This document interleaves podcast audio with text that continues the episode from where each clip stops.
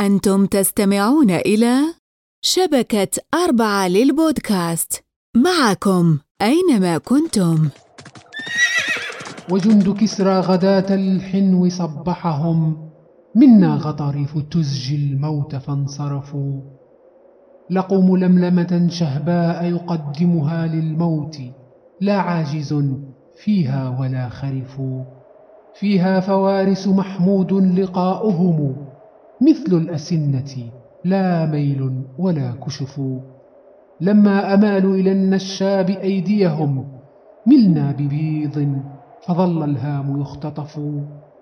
وخيل بكر فما تنفك تطحنهم حتى تولوا وكاد اليوم ينتصف.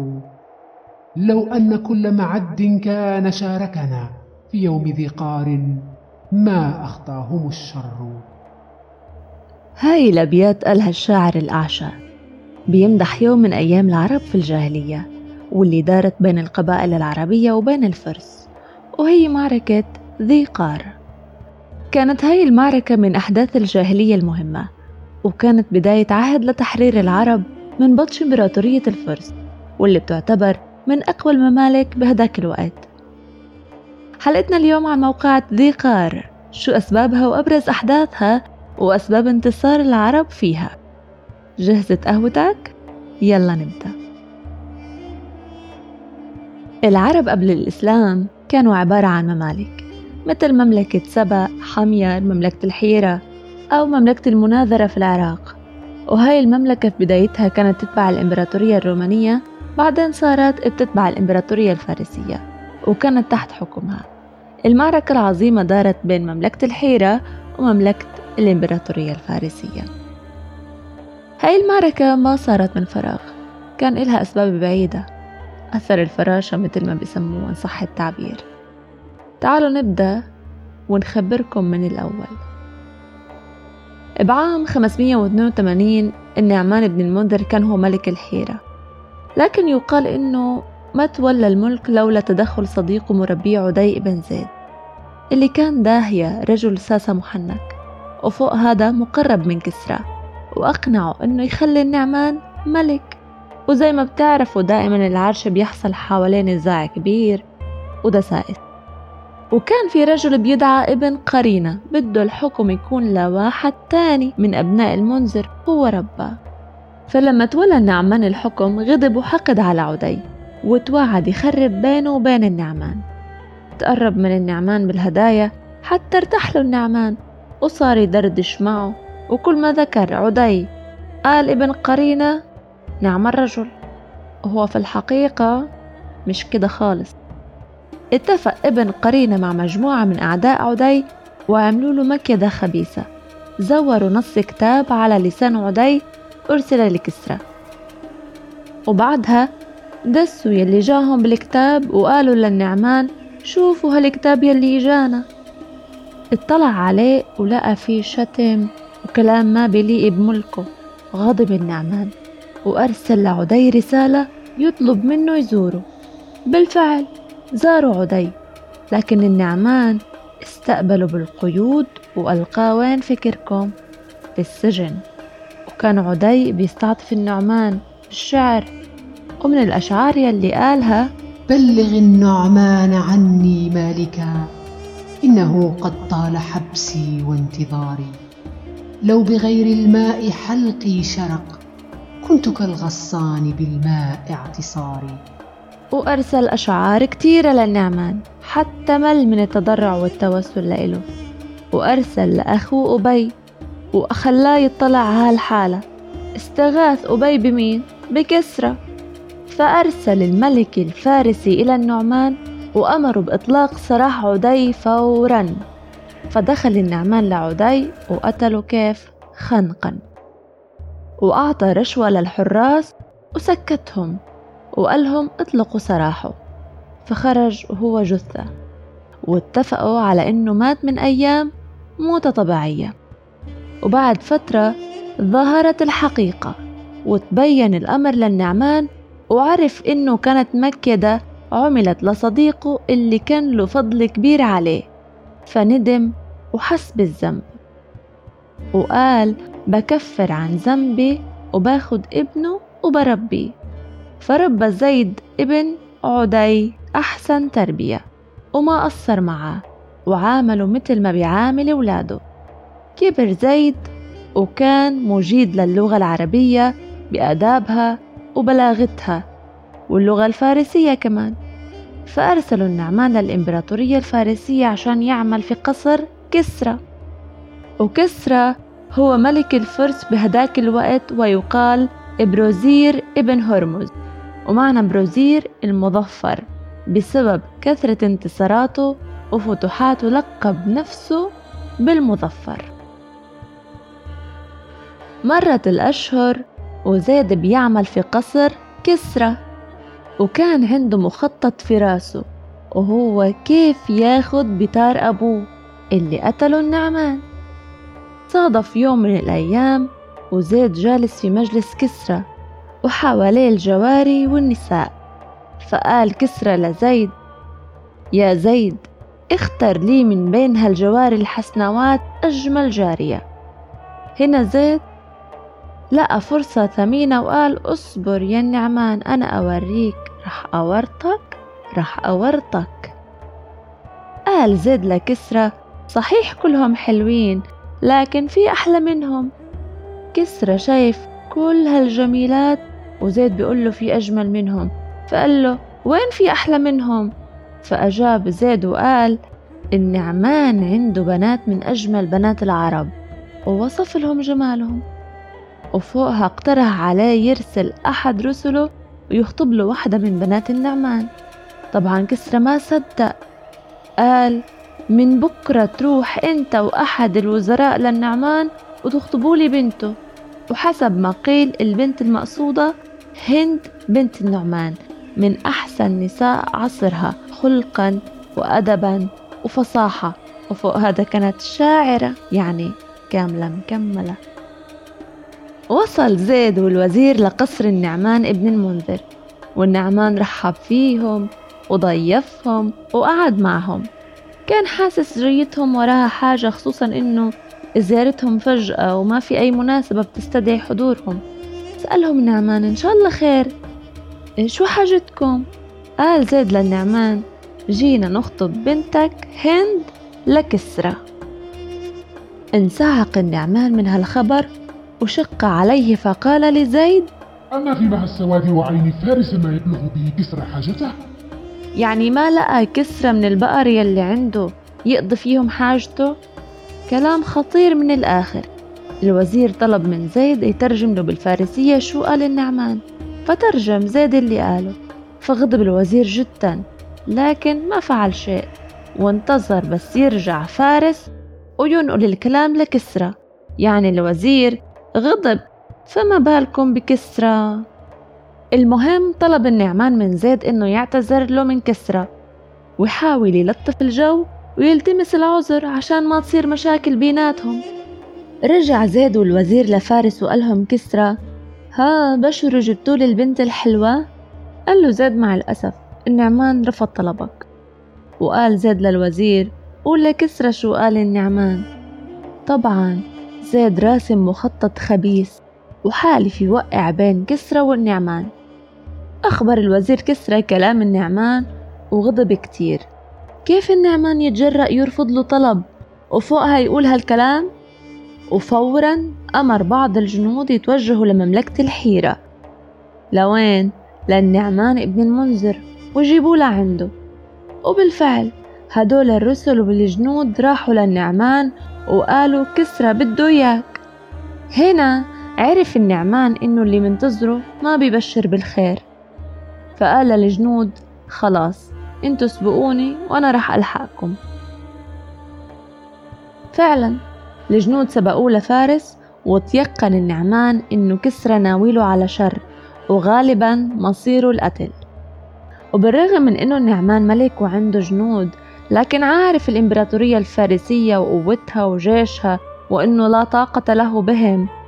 بدأ النعمان يطوف بين القبائل ويطلب المنع من كسرى وكل قبيلة كانت ترفض لأنها بتخاف من بطش كسرى إلا إنه نزل وين؟ بذي قار.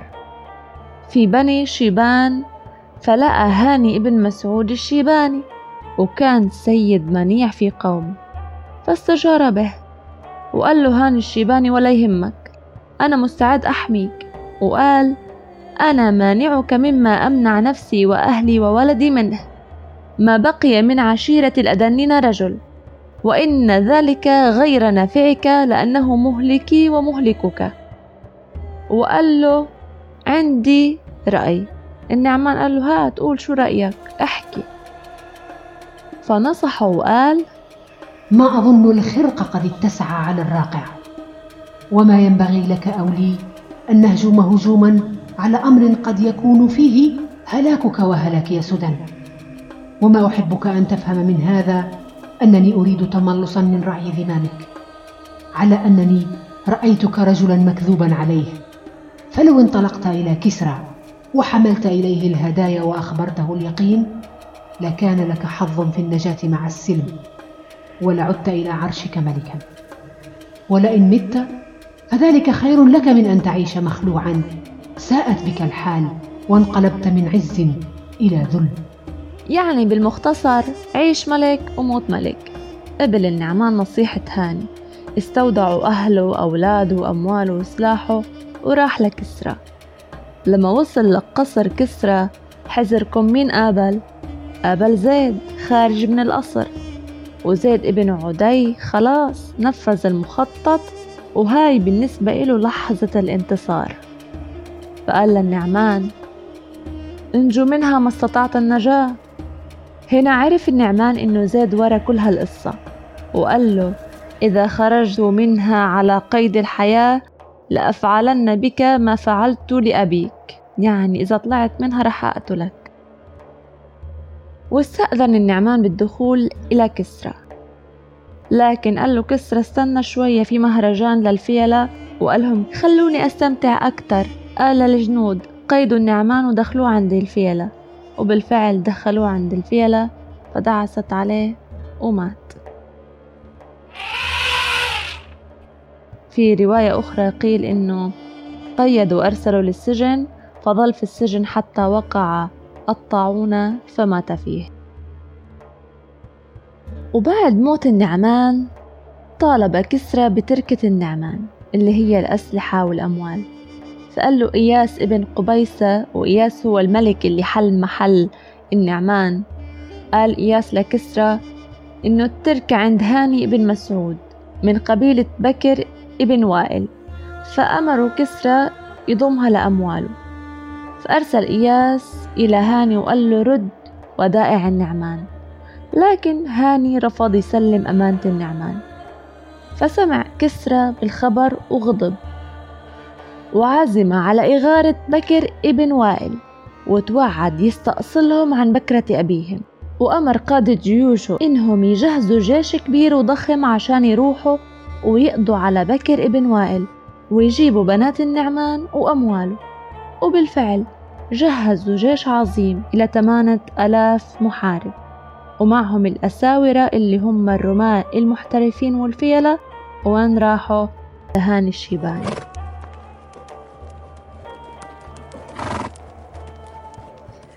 طبعا هاني بن مسعود كان عارف متوقع إنه كسرى ما راح يعدي الموضوع على خير وأكيد راح يرسل جيش لغزو قبيلته.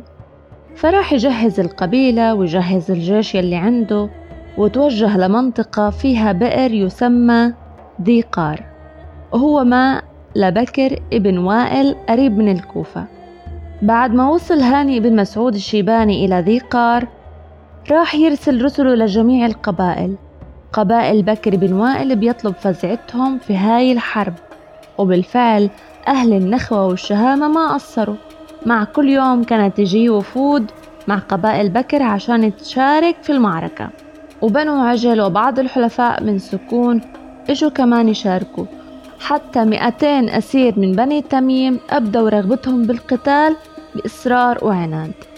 وكمان كتير من القبائل العربية اللي سمعت بهالخبر وشاركت مع هاني. وكمان من ضمن الجيش الفارسي كان في بعض القبائل العربية المشاركة من ضمنهم بني إياد اللي شاركوا هم مكرهين.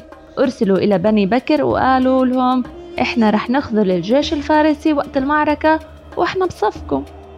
طبعا انسحاب مجموعة من الجيش أثناء المعركة. تعرفوا شو بسبب؟ زعزعة وخلل في صفوف الجيش ورح تقل معنوياتهم على كل وصل الجيش الفارسي لمنطقة ذي قار وقفوا الجيشين قبال بعض.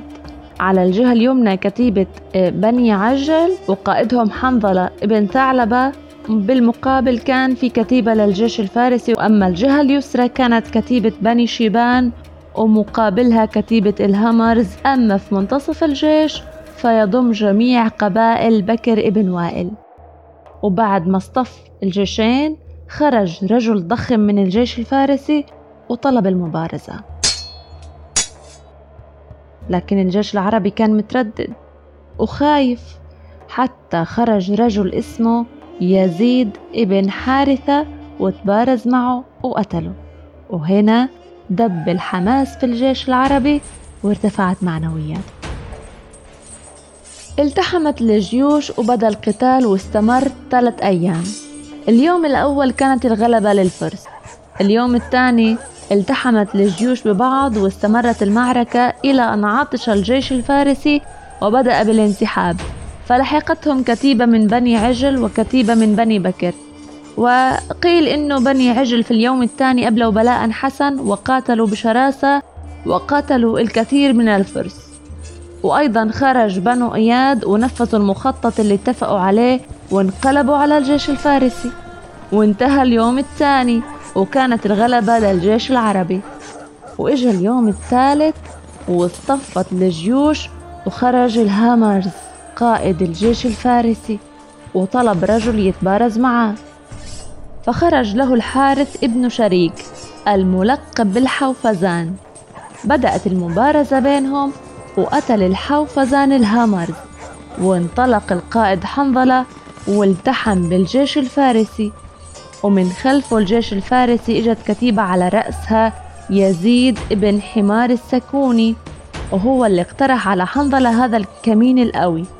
اشتد القتال إلى أن انهزم الجيش الفارسي واللي تبقى منهم ولو بالفرار وتحقق النصر للعرب. بمعركة ذيقار انهزم الفرس. والعرب انتصروا. بس شو أسباب انتصار العرب؟ وهزيمة الفرس بالرغم من الفرق الشاسع بين الجيش العربي والجيش الفارسي. وشو العوامل المهمة اللي أدت لهذا الانتصار بعد ربنا سبحانه وتعالى؟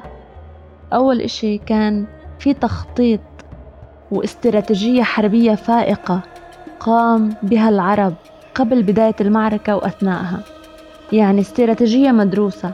صحيح إنه الفرس كمان عملوا باستراتيجية وخططوا للمعركة لكن الجيش العربي تفوق عليهم بمراحل. من ضمن الخطط يلي عملوا عليها توزيع أسلحة النعمان بن المنذر والاستفادة منها. أيضا كان في خطة انسلاخ قبيلة إياد اللي كانت في الجيش الفارسي بالإضافة إلى أنهم استسقوا ماء مدة نصف شهر عشان هم عارفين أجواء وطبيعة البيئة اللي عايشين فيها وقلة المية حتى ما تأثر على المحاربين. من الأسباب اللي أدت لهذا الانتصار الساحق أنه العرب كانوا أكثر تحملا على المشاق والحرارة والصبر على العطش من الفرس اللي مش متعودين على الطبيعة الصحراوية. وأيضا العرب كانوا يقاتلوا في أوطانهم وبين أقوامهم وأهلهم غير التشجيع اللي كان يجيهم من النساء. وعلى ذكر النساء هنا العرب معروفين بغيرتهم على نسائهم يعني الحافز هنا مش إغراء على قد ما هو حمية للعرض. وكمان كانوا يعرفوا مداخل ومخارج ميدان المعركة أكثر من الفرس. يعني زي ما بنقول المباراة في أرضهم. ولا شك إنه هذا العنصر لعب دور مهم في نتيجة المعركة. ولهنا بنكون وصلنا لنهاية حلقة اليوم. بتمنى تكون نالت على إعجابكم وفي أمان الله.